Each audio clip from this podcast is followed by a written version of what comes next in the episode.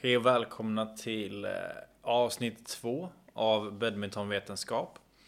Som jag sa i första avsnittet så kommer det här handla om det nya poängsystemet. Jag kommer att eh, bryta ner eh, lite så här vad det innebär, varför jag är emot det. Inte så att jag bara kommer lista upp mina åsikter så, utan det kommer vara till skillnad från analysen BVF gjorde om varför man ska byta system så kommer jag att gå igenom studier då. Eh, det gjorde, de gjorde egna undersökningar på det, men det finns eh, studier som man bör hålla koll på. Och eh, jag kommer även bara liksom lyfta frågan och liksom med vissa av argumenten som jag inte... Jag köper dem inte. Och ehm, eh, vi, vi kör igång där.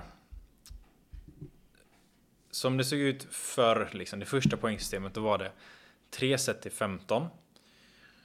Och det ändrade man 2006. Det första då, ja, 3 set till 15 gick ut på att du, du, fick bara, du kunde bara vinna poäng på dina serv. Och det innebar att teoretiskt sett så kan matchen vara i all oändlighet. Eftersom att man kan bara vinna poäng på sina serv. Så då kan serven bara skickas över till varandra hela tiden och det är fortfarande 0-0. Sen 2006 då så bytte man till det nuvarande systemet som är 3 set till 21 där man får poäng på varje bollduell. Vilket eh, kortar ner matchlängden. Och det är inte längre teoretiskt möjligt att eh, en match varar hur länge som helst. Och nu sen 2018 så har det varit på eh, agendan att Eh, byta till eh, bäst av 5 set till 11. Som det ser ut från början så var det om det står 10 lika så är det liksom en sudden death och den som får 11 vinner. Nu har de förlängt då till eh, upp till 15 och anledningen till varför de vill byta poängsystemet. Det är bra anledningar till att vilja byta. För de vill ju att sporten ska växa. Målet är att de här förbättrade reglerna kommer att leda till positiva saker för sporten och för spelarna. Men även då för eh, de som kollar på sporten. Och de två liksom key points som de eh, trycker på är higher player income och lower injury risk. Det vill säga att man kommer tjäna mer och man kommer att eh, ha en minskad skaderisk. Och eh, det är väldigt stora, det är väldigt stort statement att säga att ett poängsystem kommer att minska skaderisken. Men vi ska gå igenom nu då varför eh, ja, vad, vad är det de säger då? Så en av grejerna, det här finns att hitta på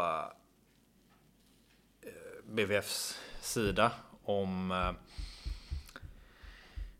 eh, den heter Enhancing Badmintons Future Frequently Asked Questions on Scoring System Change. Och då finns det en bild om man scrollar ner. Som man kan klicka på och då kommer man in på den här och då har vi då liksom i mitten så är det en stor grej med enhanced rules som går ut till eh, fram, ja, tre punkter liksom. Och då har du Eh, den första som är higher lifetime income som den liksom och då bygger det här då på att byter man reglerna så kommer det här att hända liksom. Det är premissen att det är reglerna som kommer påverka det här, ingenting annat i princip.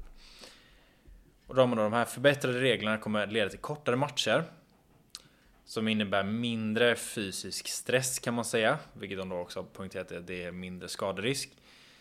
Längre spelarkarriär, vilket då innebär att man eh, kommer tjäna mer pengar.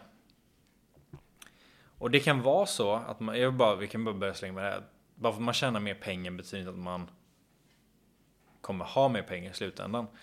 Vad betyder det? Jo, det är att skillnaden mellan in, eh, inkomster och utgifter är det som avgör om man har mer pengar eller inte. Och om du inte är på rätt hög nivå så kommer du inte gå plus på att spela badminton. Utan det kommer kosta mer pengar att ta sig dit för att det finns ingen direkta pengar förrän du når hög nivå. Tror att i All England så var det väl Första ronden så tror jag man fick som dubbelpart typ på 860 dollar eller något. Kan ha varit andra ronden också. Liksom 8600 kronor ungefär. För att ändå komma in i ja, Förutom VM och OS typ så är det ändå världens största tävling. Och det är inte jättemycket pengar om vi säger så. Om vi då ska prata också att du ska bo där några dagar. Du kanske kvala in. Du ska äta senor, du ska stränga, du ska stränga om rack. Och sen har du en hyra hemma i Sverige eller var man nu bor. Bor man i Sverige så är det svårare att överleva om du bor i ett land där det är mycket billigare till exempel. Men hur som helst, om du inte når en viss nivå så kommer du inte så kommer det liksom, du kommer, ja, du kommer gå back liksom på, på det Eh, till viss del. Men det är inte det jag vill eh, säga egentligen utan de menar ju då att kortare matcher är det som kommer leda till att du kan ha en längre karriär. Det kan vara så. Men som vi ser nu, det finns en studie som gjordes faktiskt på badminton av um, jag kan inte uttala de här alltså. Jag tror det är en ja, spanska studie, lite, lite oklart sådär. Men Eh, där bara visar de i den här studien att eh, spelarna har blivit äldre i topp 100 från 1994 fram till 2020.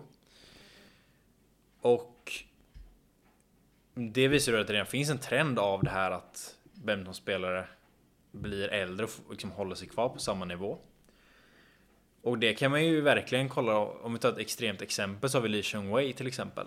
Han han är född 1982, gick i pension i juni 2019.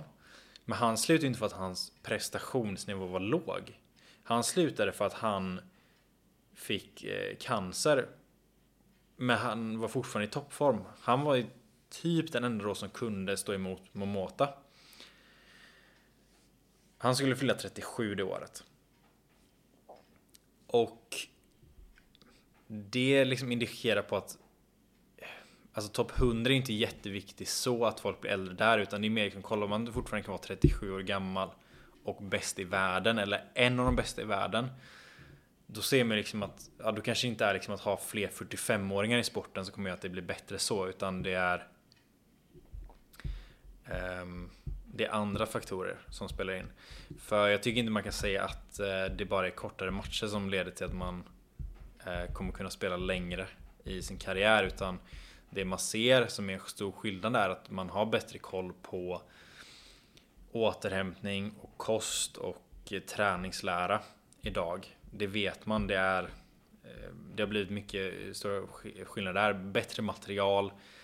Skorna är ju mycket bättre nu som, eh, som ska ändå kunna hjälpa till med vissa problem i fötter, knän och höfter. Rygg också för den delen så men det finns många anledningar till varför man har en eh, längre spelarkarriär idag.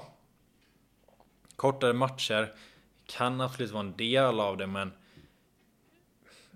det är om man kollar på den mängden som folk tränar så så vet jag inte om liksom att korta ner en match med typ tre minuter är sådär jätte att det kommer göra så stor skillnad. Um, men okej, okay. sen, sen är det klart liksom utifrån den premissen så är det klart att om du spelar kortare matcher så du håller längre och kan tjäna mer pengar så, är det gener- alltså, så kommer du förmodligen då liksom så här.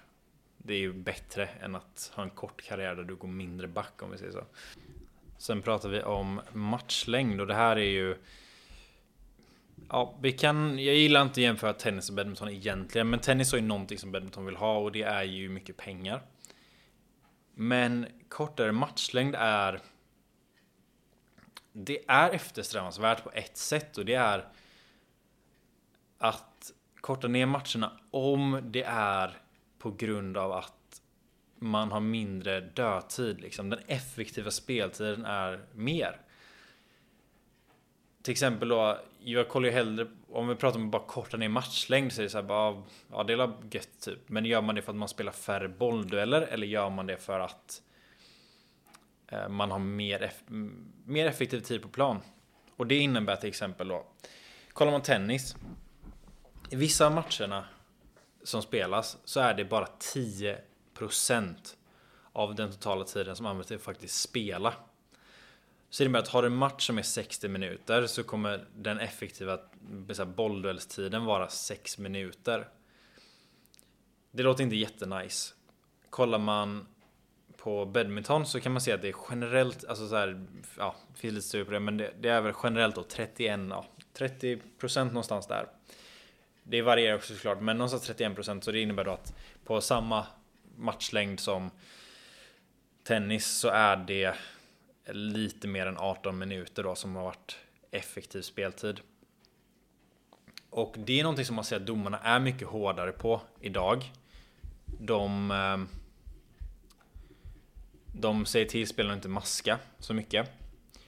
Och det tycker jag är fantastiskt bra för det blir mindre dödtid och eh, intressant att kolla på. Så det är någonting som BVF ska cred för att de verkligen har sagt till domarna att vara lite hårdare. För det, en kortare matchlängd är ju, om det är på bekostnad av dödtid, jättebra. Är det på bekostnad av faktiskt effektiv matchtid, då är det inte bra. Jag, skulle, jag tror inte det finns någon som skulle säga att det är en bra idé att korta ner typ de klassiska matcherna mellan Lee Wei och Lindan. Det är nog inte riktigt där man vill korta ner det. Eller PV Cindy mot Akane Yamaguchi. Det är inte de matcherna man vill korta ner.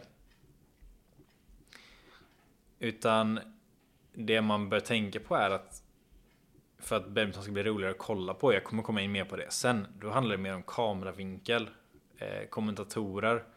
Kommentatorerna är väldigt duktiga.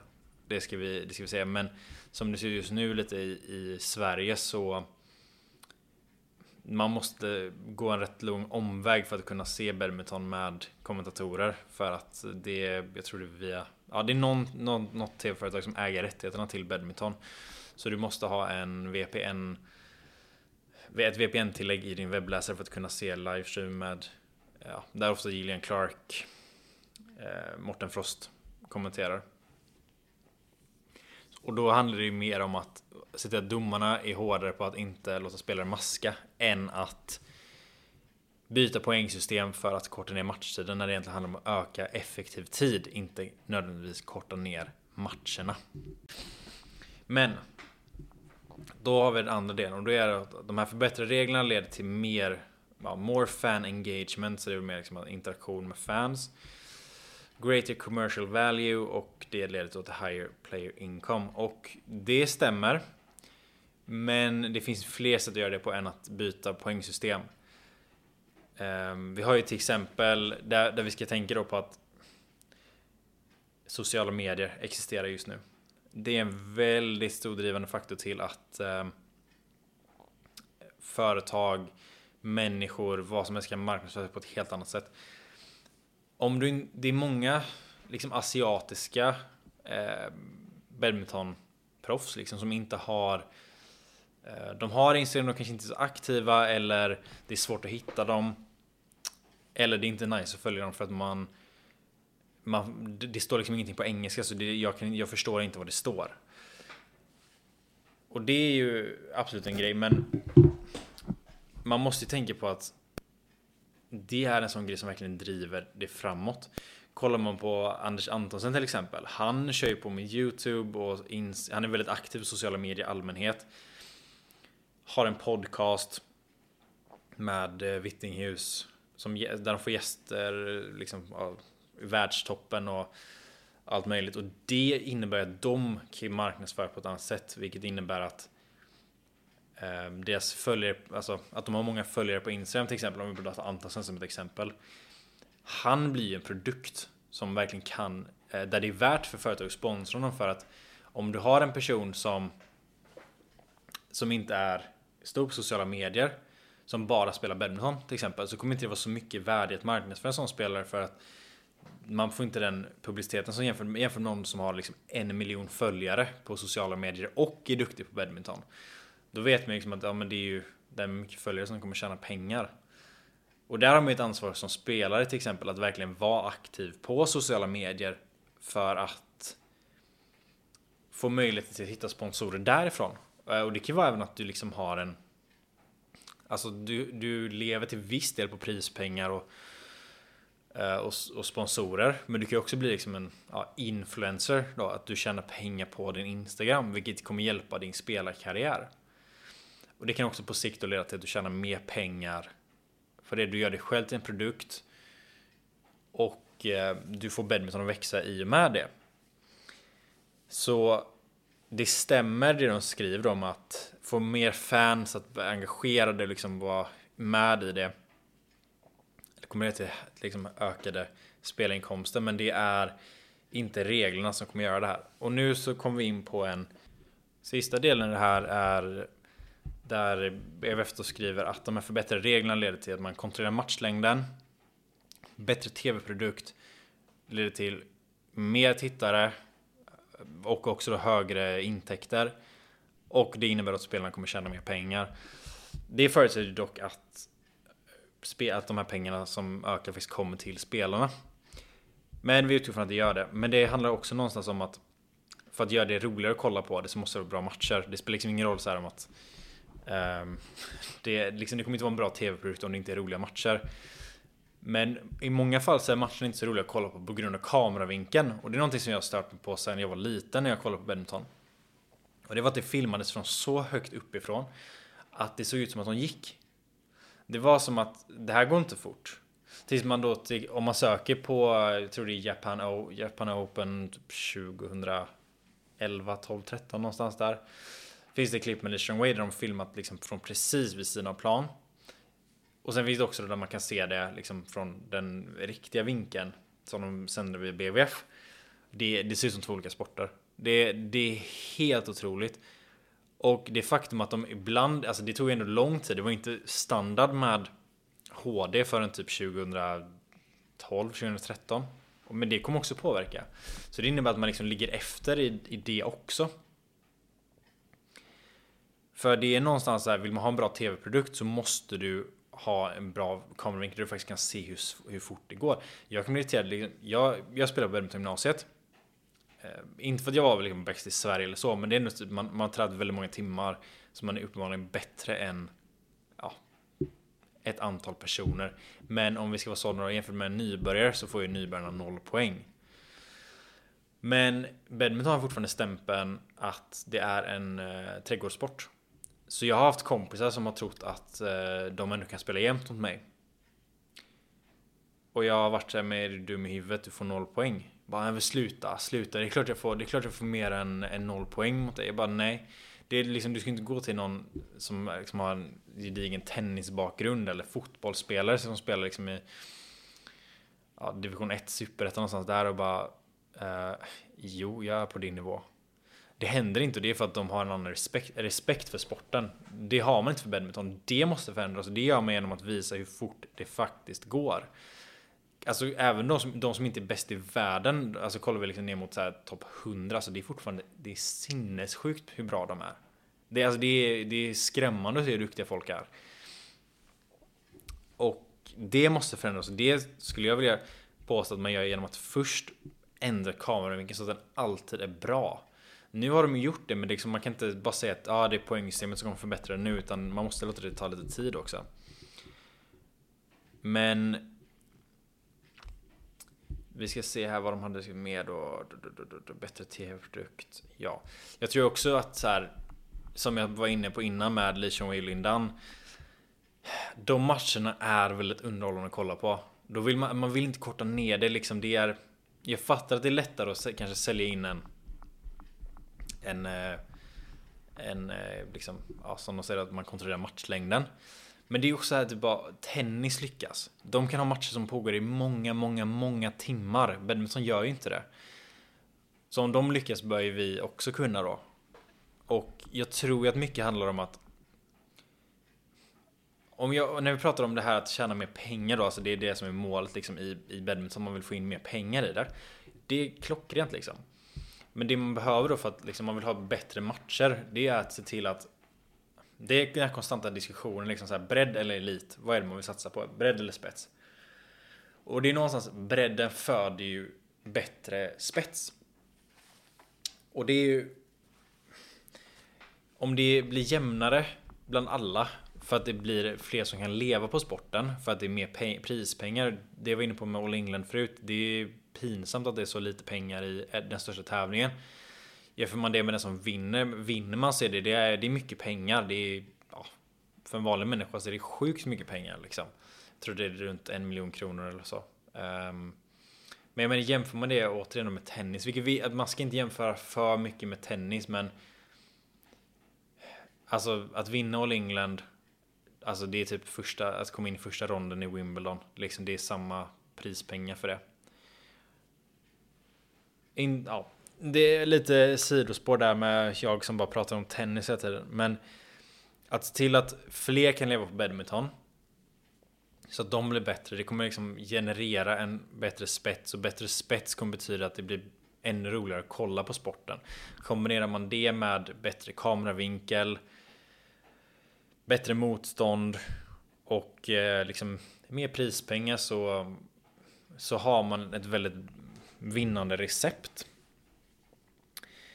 Det som jag inte köper som de har sagt eller föreslagit lite grann um, är att um, de har gjort liksom en sån här um, jag vet inte vad man ska kalla det, inte tabell men det är liksom någon liten graf eller någonting.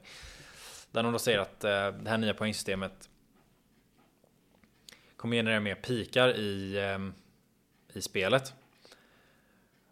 Det kan stämma. Men det man måste tänka på är att om jag ligger under med 9-0 om man spelat 11 så kommer inte jag satsa på det sättet om vi säger så. Jag kommer försöka få ett poäng för att inte bli nollad. Men jag kommer inte försöka jaga ikapp. För det finns, ing, det finns inget syfte liksom. Det kommer kräva så mycket att göra det. Det är bättre att bara spara upp, sam, alltså samla kraft till nästa set. Kollar man på Antonsen till exempel. Han är ju känd nu för att han kan ju ge allt till första set. Släppa andra om han känner att han inte kan vinna det. Och sen satsa allt på tredje istället. Och det är väldigt eh, riskabelt att göra det för att han måste ju om det inte blir så att han vinner det tredje setet så har han förlorat matchen. Gör man det i det nya poängsystemet som man vill införa då så vinner man första set och så vilar man lite i andra så vill man vinna tredje. Eh, vila och sen vinna femte. Eller om man säger att man satsar allt i första set vila andra och sen kanske man siktar på att vinna tredje, fjärde set liksom. Eh, men om man misslyckas med någon av dem så kan man ju försöka vinna femte set i alla fall. Så det är, mer, det är mindre riskabelt att släppa ett set för att vila upp sig. Som det ser ut i det mm, nya poängsystemet. Det är ju för att har du fem set så är ett set mindre värt än om du har tre set. Liksom, där du måste vinna två. Men de säger att man, man kommer till, eh, ja, det är längre Extended length of the peaks. Vad innebär det att typ Ja, det är som att du börjar match från 10 lika, så är det 6 lika nu så kommer det vara ja, som att det är 16 lika, 8 lika så är det 18 lika. Liksom. Det är det man utgår från. Men det... Ja, det, det kan väl vara så, jag vet inte. Men det är någonstans så här, det kommer ju det kommer inte vara lika många som försöker göra en comeback. För att ligger du under 7-0 om du kör ett 11 och du förlorar liksom, du satsar allt för att liksom komma ikapp därifrån. Men du ligger under liksom 9-3, ja men då kommer du att släppa det sättet ändå. Så om det ser ut nu så har du fortfarande chans att göra en comeback liksom. Du kan göra en otrolig comeback. Vilket man, det momentet tar man ju bort i det nya. Att folk kommer inte kämpa lika mycket för att ta ikapp en liksom 7-0, ett 7-0 underläge på det sättet. Sen så har de någon anledning att det är lätt att förstå det här. Eh, och jag liksom vet inte ens varför man slänger in det för att det är, inte, det är inte jättesvårt att förstå det som är nu heller. Eh, om vi säger så. Eh, moments of increased focus. Och ja, det kommer det vara. Tror jag. Sen är det svårt att säga om det kommer vara mer fokus än vad det är nu. För att någonstans är det ju det. Är det 0-0 i set när man kör 11 och det är liksom 8 lika. Då är det inte lika jobbigt att förlora det sättet som att det är 18 lika när man spelar till 21. Om vi säger så. Och eh, man har ju kritiker som är eh, Axelsen, ja Viktor Axelsen då har ju sagt att eh, spelarna var inte ehm, har inte varit med i den här konversationen utan de har liksom varit lite lämnade. BVF har skrivit att eh, de har det, men Axelsen säger att de inte har varit det. Sen är det väl det som, är, som jag tycker är lite oroväckande med det här är att liksom BVF har gjort egna analyser på det här. liksom inte varit... Liksom det, det, det finns inte så mycket info om hur det är gjort eller så utan det är mer att ja, men vi har gjort en analys och det är så det ser ut. Så det är inte mycket att komma till, säga där heller så. Um, men det är ju Sen har man också grejen då att Ska man ändra hela sporten eller hela liksom så stora grejer bara för att komma in i TV när man kan ha argument att TV inte är lika stort längre utan det är liksom internet. Alltså det är Youtube, det är vissa, i vissa fall till exempel i pay per view liksom i boxning, boxningsvärlden att det är mer som förväntas komma ja, men liksom gratis från eh, eh, från internet eller att man har liksom en prenumerationstjänst då där man kan kolla på det. Så jag vet inte om man ska anpassa allting efter tv just men det finns ju en fördel av att ta sig in i tv i marknadsföringssyfte att folk bara just det, badminton finns och sen så får man se liksom hur fort det går, hur duktiga de är. Då är det grymt. Men det är också det här, det är svårt att det finns liksom inte, det är inte så lätt att knyta an till världsliten på det sättet. Jag var lite inne på det förut när jag sa det här med att vissa av de asiatiska spelarna ehm, de är lite svåra att följa för att de har liksom inte de här eh, de skriver in, de översätter inte sina texter till engelska till exempel. Eller bara att de inte riktigt alltså, bryr sig om sociala medier på det sättet. Det, det här är ju, alltså jag, jag har ju mycket sådana tankar och det har varit så jäkla nice för jag är ett stort fan av badminton liksom på alla nivåer. Jag hade velat se någon typ Drive to Survive om ni har sett eh, det på Netflix. Så jag kan verkligen rekommendera det. Det handlar om Formel 1 men att bara kolla på sättet de filmar det på. Den dokumentären om Formel 1. Liksom, hur de filmar det. Att göra någonting liknande med badminton. Där man får se hur hårt spelarna tränar. Hur intensivt det är under tävlingar och man får följa med mer i vardagen hos spelarna. Så tror jag att man verkligen kan locka fler. Liksom. Jag vet att eh, ja, som vi sa, Formel 1 har gjort det väldigt väl. Det är ju väldigt så hög produktionskostnad där, så det är ju kanske inte lätt att göra här. Men kollar man liksom på alltså så här, mer kända youtubers, de har ju filmare. Liksom, idag är det inte lika dyrt att göra en dokumentär som det var förr.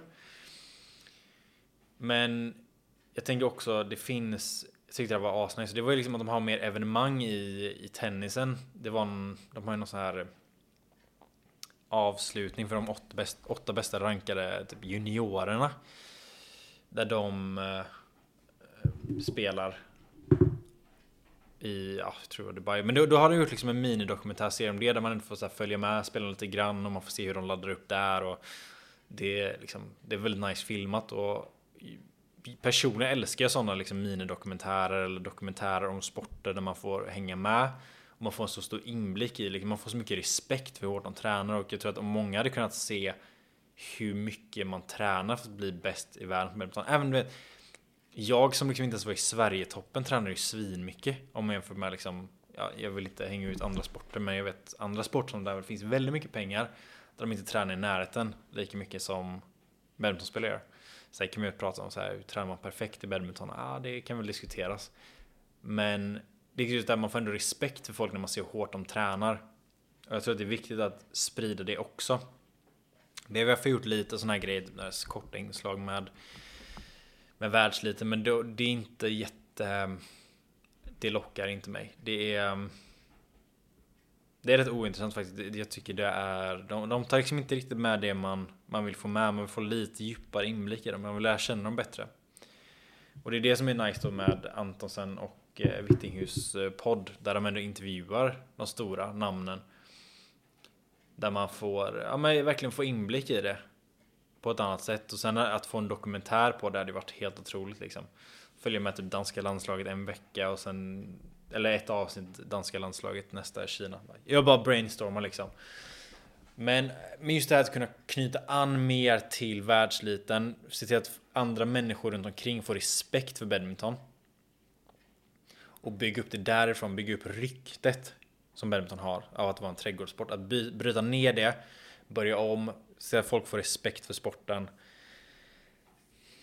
Då tror jag att, eh, att det är bra. Men för att sammanfatta, om ni inte har listat ut det så är jag inte för den här förändringen och det är för att jag tror att de utgår från att allting som är fel eller allting som de vill förbättra i badminton kan man förbättra av att byta poängsystem. Och jag tycker att det är fel. Det finns liksom inte, det, ligger, det, är inte, det saknas grund för det. Um,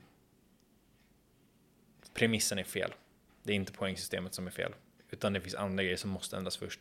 Och, om de, och vi kan gå in på det här och det här har gjort mig så jävla arg. Och jag, jag svär nu. Jag svär nu. Det är min podd, jag gör vad jag vill. Det är att de säger att ah, det är mindre skaderisk. Och sen så sätter de då nu efter pandemin, sätter de typ alla tävlingar på tre månader. Alla tävlingar under året, bara, vet du vad vi körde på tre månader? Så att alla drar sig ur, alla är skadade. Hur bra är det för spelarnas hälsa egentligen om de nu bryr sig så mycket om det? Mattias Bo, Bö, hur man nu uttalar hans namn, la ut ett, ett inlägg eh, på um, Instagram om just det. Där han visade i en, i en grupp där det var Axel Sen, Gemke, Momota och Lakshya Där de spelar inte en enda match i den gruppen. För att eh, alla var skadade, så det var antingen VO eller ingen match som spelades. Det är inte, det är inte ett sätt att bedriva eh, sporten på, utan och det var också man, man ser liksom, jag vill säga att kollar man VM till exempel, jag tycker inte man borde spela ett VM eftersom det var OS-år. Det är liksom respektlöst mot eh, Axelsen som, ja, det är bara inte, det är inte schysst att göra det på det sättet. Men alla var ju så jäkla övertränade och var helt slut mentalt och det är klart att um, ja men Lou Ken Hughes som spelar fantastiskt bra. Att, ja, han har inte spelat lika många matcher som de andra innan. Uh, många var ju skadade. Uh, småskadade eller bara var rätt slut efter Thomas Cup. Eh, det var Denmark Open. Det var många tävlingar där. Så att det, det är inte... Om de ska säga att minska skadrisk är, är någonting som är... Eh, som gör att de driver på... eh, utvecklingen av badminton så bör de ju kanske överväga att inte bete sig som de gör för att det var inte okej okay att sätta alla tävlingar på det sättet. Liksom, det, det blir inga matcher till slut och det ser man ju. Så um, det är hyckleri, det är det. Sen vet inte jag, det kan hända liksom att det här är ett bättre poängsystem. Men då får de hitta andra argument, för de här argumenten, det stämmer inte liksom. Det, det gör inte det. Det är inte tillräckligt stor grund för att det ska gå igenom. Um, så det var det jag ville säga. Men tack så mycket för att ni lyssnade på avsnitt nummer två. Nästa avsnitt kommer handla om min typ hjärtefråga i det här. Um, en del av det i alla fall. Och det handlar om styrketräning för badminton. Tack så mycket för att ni har lyssnat. Ha det så bra. Hej då.